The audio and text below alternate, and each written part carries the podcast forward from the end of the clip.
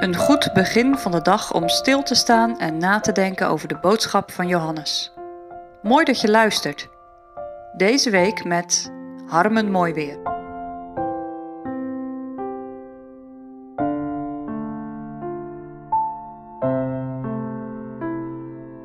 Theorie en praktijk. Aan deze twee woorden moet ik denken bij het thema van vandaag: weten en doen. Als jij een rijbewijs wilt halen, zal je eerst theorie-examen moeten doen. Op je theorie-examen laat je zien dat je gevaar herkent, de verkeersregels weet en verkeersinzicht hebt. Zo kun je namelijk veilig de weg op. Je leert dus voor de praktijk, zou je kunnen zeggen. Gisteren zagen we dat Jezus dienende liefde liet zien aan zijn discipelen. Hij gaf een praktijkvoorbeeld. Maar Jezus gaat dit ook nog theoretisch onderbouwen. We lezen samen Johannes 13, vers 12 tot en met 20. Als hij dan hun voeten gewassen en zijn klederen genomen had, zat hij wederom aan en zeide tot hen: Verstaat gij wat ik jullie gedaan heb? Gij heet mij meester en heren, en gij zegt wel, want ik ben het. En indien dan ik, de Heere en de Meester, uw voeten gewassen heb, zo zijt gij ook schuldig elkanders voeten te wassen. Want ik heb u een voorbeeld gegeven, opdat, gelijkerwijs ik u gedaan heb, gij lieden ook doet. Voorwaar, voorwaar, zeg ik u, een dienstknecht is niet meerder dan zijn Heer, noch een gezant meerder dan die hem gezonden heeft. Indien gij deze dingen weet, zalig zijt gij, zo gij dezelfde doet. Ik zeg niet van u allen, ik weet welke ik uitverkoren heb, maar dit geschiet opdat de schrift vervuld worden, die met mij het brood eet, heeft tegen mij zijn versenen opgeheven. Van nu zeg ik het u lieden, eer het geschied is, opdat, wanneer het geschied zal zijn, gij geloven moogt dat ik het ben. Voorwaar, voorwaar zeg ik u, zo ik iemand zende, wie dien ontvangt, die ontvangt mij. En wie mij ontvangt, die ontvangt hem, die mij gezonden heeft.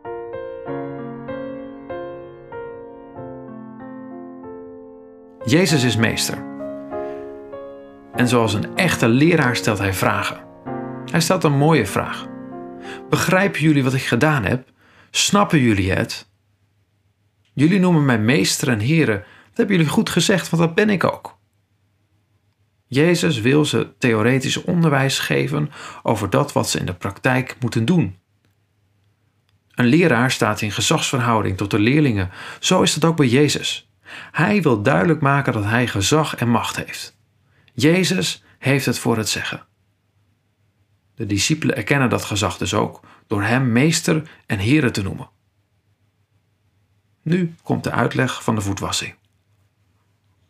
Als ik, als jullie heer, als jullie meester, als degene die boven jullie staat, jullie de voeten wast, dan zijn jullie verplicht om dat ook bij elkaar te doen. De meerdere, in dit geval de Heer Jezus, zal de mindere, de discipelen, dienen. Moeten we dan vanaf nu altijd de voeten van elkaar wassen? Nee, Jezus bedoelt dit in veel bredere zin. Ze moeten niet precies doen wat hij deed, maar de discipelen moeten doen zoals hij deed.